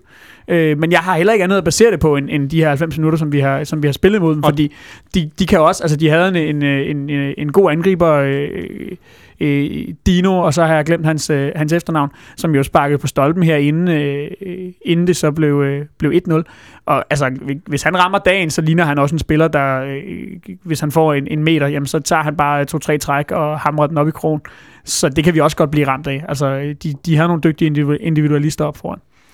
Men Nikolaj, altså jeg skal lige, jeg bliver nødt til at spørge sådan, i forhold til sådan en kamp, øh, den her vigtighed, vi kan se ind i parken, de har hængt uh, Champions League øh, banner, eller hvad det hedder, på, på kanten af tribunerne, og de er ved at sætte, øh, hvad hedder det, hedder det Spidercam?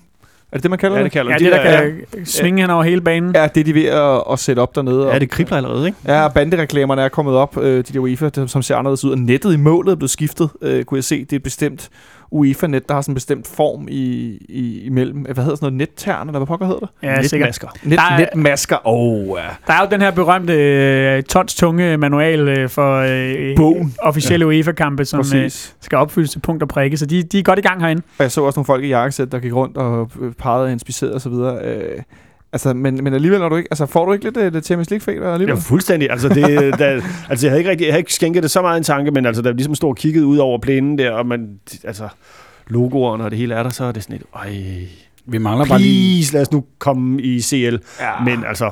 Vi mangler lige den der, en halvdunkel aften, og lysene er tæt, man kommer gående igennem ja, fældeparken, og man ved, det er Champions League. Så begynder først at løbe en kold ned i ryggen, ikke?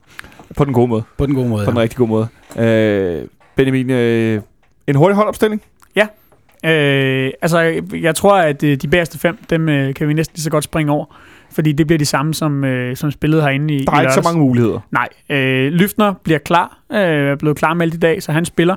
Øh, og derfor så, øh, så kan vi ligesom øh, lægge det hovedbrud til side. Øh, og så skal vi op på midtbanen. Ja. Øh, og nu har vi siddet og kritiseret Kvist en lille smule, men, øh, men jeg tror, han kommer til at starte kampen med Gregus. Jeg tror, den, den her kamp er, er tilpas vigtig til, at øh, jeg tror ikke, Ståle tør at lade sin anførside ude. Heller ikke selvom, at, at han ikke er i form. Øh, men er det ikke også et spørgsmål om, at alternativet er dårligere? Jo, klart, men også at, at, øh, at alternativet, øh, som for mig at se lige nu, vil være øh, at spille med Tutu. Altså øh, starte med, med, med, den, med den centrale midtbane, vi, vi sluttede med. Jamen det tror jeg, altså for ham, for, øh, det, det er for offensivt. Altså det er, en, det er en mulighed, man skal gemme til senere i kampen, at man kan, at man kan lave den her ændring på, på midtbanen, hvis vi står og mangler en mål med, med 20 minutter igen. Øh, så derfor, og, og, og Gregos er jo helt tydeligvis foran Martic lige nu, så derfor tror jeg, at det bliver, at det bliver Kvist og, og Gregos, der skal spille ind. Og på, øh, lad os starte med højrefløjen, foran Peter Ankersen. Jamen, øh, altså, øh, jeg, jeg tror, Sorry. jeg tror, Man må godt grine. jeg tror, at, øh, jeg tror, at det bliver Verbic og så, og så Tutu til venstre, men jeg vil gerne se de to kanter, der startede hen i lørdags. Skal lige høre, er du med? Tror du også, Tutu starter ind, Nikolaj? Nej. Nej. Tror du, at han starter ind, Martin? Jeg tror, at Ståle går på den sikre, altså så det bliver Tutu Verbic, øh, men jeg bakker Benja fuldstændig op, fordi jeg vil gerne have set øh, Kus på den højre, for jeg synes Ankersen, og, og vi får også mere ud af Bengtsson. Men jeg tror også, Tutu starter ind. Men nu må I forklare mig, hvorfor tror I, Tutu starter ind? Hvorfor tror du, Tutu starter ind? Ståles søn, øh, og det er, øh, det er hans sikre valg. Men, men så det sådan lidt mere fodboldwise. Fodboldwise, så han, tror jeg, han, altså set ud fra et defensivt perspektiv, så han, arbejder han mere end Verbits defensivt gør. Ja. Og det er også det med Kusk. Kusk er ikke så defensivt stærk, så det er, det er Verbits over højre. Hvad siger du, Benjamin? Jamen, jeg tror også, altså, jeg tror også det handler om, hvor, øh, hvor meget sådan all-out offensivt Ståle er klar til at, at gå fra første minut i den her kamp. Øhm, fordi vi kan også lukke et hurtigt mål ind, og så er det virkelig op ad bakke. så er vi på røv. øh, og, og så, altså, øh, Tutu er, øh, øh, uden at skulle, altså, jeg, jeg, jeg, vil, jeg vil ikke spekulere i sådan noget med, om, han favoriserer nogle spillere over for andre, for det tror jeg ikke, han gør, men han er bare, øh, Tutu er Ståles go-to-guy i de her øh, europæiske kampe. Altså, han har i hvert fald før øh, været en af dem, som, som man altid kunne regne med i de her kampe. Altså, det er for en garant for en solid indsats. Øh, nu så vi heldigvis en lille smule øh, fremgang fra ham, da han kom ind. Øh, og jeg tror, at, at hvis, han, hvis Ståle vurderer, at han er i en form, der bare er nogenlunde til, at han kan starte ind, jamen, så gør han det også. Øh, og så kan man bringe Kusk senere. Men jeg håber som sagt også, at, øh, at det bliver Kasper Kusk. Jeg er bare bange for, at, at der er lidt det her, den her tvivl om hans sådan, øh, defensive og fysiske styrke, til, øh, der godt kan ende med at, og ligesom tale imod ham. Jeg tror sådan set, udskiftningerne i lørdags fortæller det hele. Altså, Kvist bliver taget ud til, før tid for at have, være fysisk klar til onsdag. Tutu kommer af først ind på det tidspunkt for os ikke at have spillet 90 minutter øh, lørdag, så han skal spille øh, onsdag. Så det, det tror jeg sådan set, det er det, der fortæller det hele. Men tror du, Nikolaj, tror du Ståle kunne ind med at tage røven på os, og så går all-out attack fra starten af med, med Kusk og Verbic? Det, altså, jeg tror faktisk, han stiller mig i kusk først. Ja? Øh, fordi han vil... Altså, Tutu har ikke været lovende i de, nogen europæiske kampe overhovedet. Og han virker som et taktisk godt valg at smide ind senere i kampen, hvis det bliver nødvendigt. Også, vi så ham lige pludselig prøvet af på midtbanen. Det var overhovedet heller ikke nødvendigt mod, øh, under normale omstændigheder, at han skulle spille den rolle i forhold til, at vi egentlig har Martis derinde øh, mod Sønderjyske. Øh, så jeg tror, vi ser... Jeg tror faktisk, vi ser Kusk på kanten sammen med Verbis på den anden. Verbis helt sikkert, han er jo nærmest... Ja, Verbic behøver vi nærmest ikke diskutere. Der er også et andet argument for det, og det var det, vi var inde på kampen tidligere, øh, eller inde på tidligere udsendelsen, det er, at Verbic bliver så meget farligere, når han kommer over i den her øh, venstre side. Og, så det vil sige, at, at en ting er, at man sætter Tutu ind, hvor han er et spørgsmålstegn, altså hvor godt kørende er han lige nu, men du svækker også Benjamin Verbic. Han kan stadig godt udrette noget over fra sin højre side, men jeg synes bare, det er meget, meget klart, at Han han er er, begrænset, ikke? han er bedre, når han kommer til venstre, fordi han bliver en skudtrussel simpelthen. Øhm, og så bare lige for at knytte en enkelt kommentar til Kusk, det er, du er også på et eller andet tidspunkt nødt til, for ikke at, at demoralisere Kasper Kusk fuldstændig, at sige, du har leveret en god præstation, en rigtig god præstation da, øh, øh, nu får du chancen igen.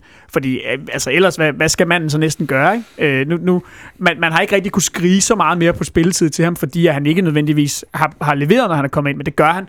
Og så bør man måske også give ham genvalg. Ja, og vi ser faktisk den, den første halvleg, hvor Kusk er på banen. Vi ser, altså han øh, imod, imod Sønderjyske, det er den bedste halvleg, vi har spillet. Der er rigtig meget spil fra hans fødder.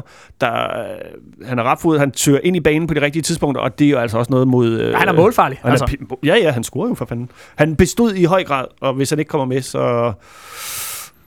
Men Henrik, nu har han lige spillet 90. Ja, ja, lige præcis. Det er Det- også, det er siger, han spiller dages, 90 minutter. Ja. Øh, du Men har, har, kan han så ben til det? øh, det er jo det, der er Det gjorde spørgsmålet. Robin også. ja, det gjorde Robin også. Men, men du har også stadigvæk, altså, du har stadig et, et 4-5. kort i en, en Thompson, som også kan gå ind og spille på den højre kant. Men han står bagerst. Han står bagerst, men han, de par gange, hvor vi har set ham spille, har han jo øh, leveret nogle gode indsatser, så han kunne også godt være. Men ham tror jeg mere er en, der kommer til at blive skudt fra, fra øh, bænken af kontra Kusk. Der er større chance for det. Altså jeg vil sige, hvis Kusk på nuværende tidspunkt, han har altså ikke spillet 5, 6, 7 kampe i træk, hvis Kusk på nuværende tidspunkt i sæsonen ikke kan spille 2 gange 90 minutter med 4 dages mellemrum, så er der et eller andet helt galt. Ja, men altså, Ja. Jeg, jeg, jeg tror, du undervurderer nogle gange i øh, de der øh, eksplosive spillere, som, øh, som netop, der er også en grund til, at han ikke spiller så meget i forhold til, at han ikke er så god til det defensivt. At benene simpelthen ikke er der til at spille på den måde. Det, han bliver regel altid skiftet ud, ikke? Ja, men, men, men det tror jeg ikke... Jeg, altså, jeg tror, at grunden til, at han ikke spiller så meget, handler mere om, om, øh, øh, øh, altså, om at han har haft formdyk, og om, at han ikke har leveret. Øh, og så selvfølgelig også de her defensive hensyn. Jeg tror ikke, det handler om hans fysiske tilstand. Men bortset fra det, øh, det med Thompson, jeg tror, at Daniel Mankvist står klart foran, som det ser ud lige nu. Ja, ja, men, det, men det er jo også mere for at se, jeg tror, det skulle ligne Ståle dårligt, hvis han spiller en offensiv fra start af. Så vil han hellere have noget at skyde fra, fra bænken, fordi hvis han stiller med en offensiv fra start af, vi kommer bagud 1-0, så har han ikke noget at skyde med fra bænken af. Og det har han, hvis han holder Kusk, Thompsen, øh, Amankwa ude på bænken. Og Jeg ser lige for mig, hvis, hvis, øh, hvis, hvis vi får en 1-0 øh, langt hen i kampen, og smider både Kusk og Danny ind, ikke? det ville være en torden den offensiv. det kunne være fedt, og bare smide øh, fra fuldt frem. Nå, på toppen, hvem stiller vi med? Jamen, vi stiller med Santander. Da, da, da. Der ligger jeg hovedblokken. Wow. Øhm, så er jeg faktisk en lille smule i tvivl om den anden. Øhm, Men hvis du er i tvivl, så burde det være, nu har du haft resten af startopstillingen. Hvad, hvad siger du, Nikolaj? Det siger Pirtos. Du siger Pienos. Ja, ved siden af Santa.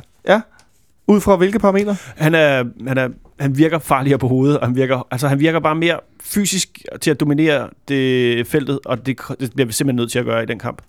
Og så en, en, Jeg er 100% enig. Øh, Ja, fordi det, er, det var to på Pienos, men du siger... Jamen, jeg, øh, nej, jeg, altså, jeg er meget enig. Det er det, jeg gerne vil have. Jeg vil, jeg vil rigtig gerne have, at Peter starter inden, fordi jeg tror også, at den aggressivitet, vi har siddet og snakket om, han har, den kan han bruge til at trykke bagkæden bedre end, end Pavlovic. Altså, han er simpelthen en bedre presspiller også, øh, og vi skal lægge et tons tungt pres på den her bagkæde. Øh, så altså, jeg vil, den vil jeg gerne, jeg kører den, jeg vil gerne gå med. Jeg er bare ikke helt sikker på, at det er sådan, det bliver. Altså, Ej, jeg er i tvivl, om det er det, øh, som, som Ståle ender med at gå med. Fordi nu kommer Pavlovic jo ind og scorer det her mål, og du, vi snakker lidt one-trick pony og sådan noget, men er det ikke også svært at sætte en mand af, der kommer ind og afgør en kamp på den måde? Jo, men altså, det, han, han har et, et, et, det er jo et fremragende langskud og sådan nogle ting, men det er jo ikke fordi, at, at han kommer ind og øh, sætter parken i brand. Altså, øh, det, det, spillemæssigt. det, skulle sige, det gik da jo, meget godt. jo, jo, jo, klart. I, I den her ene situation, hvor han laver det her mål, 100%, men, men altså, øh, og, og det har han jo gjort før, men det er jo ikke sådan, at han kommer ind og dominerer stort. Altså, det synes jeg ikke. Øh, så øh, jeg, jeg synes ikke nødvendigvis, at, at, at Pavlovic skal have genvalg, fordi han laver det her mål. Øh, jeg, jeg håber også på Pieters, men jeg er i tvivl. Altså, jeg, jeg, jeg ved virkelig ikke, om, om det bliver den ene eller den anden. Jeg synes, det eneste, der taler for, at det skal være Pavlovic kontra øh, Pius, det er, at der bliver ikke noget, der bliver ikke noget bagrum at spille ned i. Så øh, der vil en, en, øh, en Pavlovic være bedre og mere øh, feltsøgende, vil jeg sige, i stedet for, at der ikke er noget bagrum at spille ind i, hvor vi vil se en Pius i stedet for. Så det tror jeg simpelthen ikke, de kommer til at stå så øh, defensivt, så der ikke bliver noget bagrum at spille i. Så den eneste, vi er egentlig lidt i tvivl om, det er angriberen, der skal spille ved siden af... Jeg altså, er også i tvivl om, men, men den vi var også i tvivl om, vi kusker så... Ja, men, men jeg skulle sige, nu har vi jo liggende over på bordet The Ring Roulette, Ring som uh, er Smølle med, men Mm. udover det, Nå ja, så, sulten. så er det jo primært øh, den ene angriberposition, øh, sådan en enkelt position, vi er sådan meget i tvivl om. Men Øh, altså Ståles vej er urensagelige, ikke? Og så, så er det Matic herrens, og... herrens vej, urensageligt. Ja, ja. Det eneste, der er sikkert, det er, at der kommer en udskiftning i 60. 20. minut. Ah, 62. Ja, to. øh, I stedet for at gætte på det, så synes jeg, vi skal gætte på øh, kampens resultat. Nikolaj? Tips. Hvad byder du for med? 1-1. Byder simpelthen på 1-1. Ja. Og det er jo desværre ikke nok. Nej, Nej. Nej. Jeg, jeg, jeg kunne næsten måske være gået med 2-1, men jeg tror, at... Øh, jeg, jeg tror, jeg, kort fortalt, vi går ikke videre. Nej, du tror på 1-1. Monson? Jamen, det bliver en af de himmelske aftener. Vi vinder 2-0, og øh, så går vi alle glade herfra. Kan glæde os over, at vi skal ud i Europa og se Champions League-bold. Benjamin? Jeg har lige siddet og vaklet øh, voldsomt mellem, øh, mellem, mellem, mellem øh, 2-1 og, og 1-0, men øh, nu har jeg jo lige øh, siddet og argumenteret for, øh, hvorfor at øh, vi måske godt kan holde nullet mod det her Karlbach-hold, så jeg siger 1-0, men at, desværre, øh, at det desværre heller ikke er nok til, øh, at vi går videre. Så du tror, vi ryger ud for længet, eller? Ja, jeg tror... Øh, det havde jeg selvfølgelig helt glemt. Flot. oh, ja. Jeg siger 1-0, og så, øh, så ryger vi ud for længe. ja, okay. Taber, taber vi så, så scorer de der, eller hvad? Det må de jo så gøre. Nå, men jeg mener, det, det kan godt være, du havde sådan et, et, et, et, et supplerende bud. Nej, så, Okay. øh, Nu har jeg skrevet ud i forlænget parentes her på, på bloggen. jamen, så siger jeg sgu hele vejen til straffe, og så taber vi der. Ej, au, au. Ej, så, så, så dør jeg.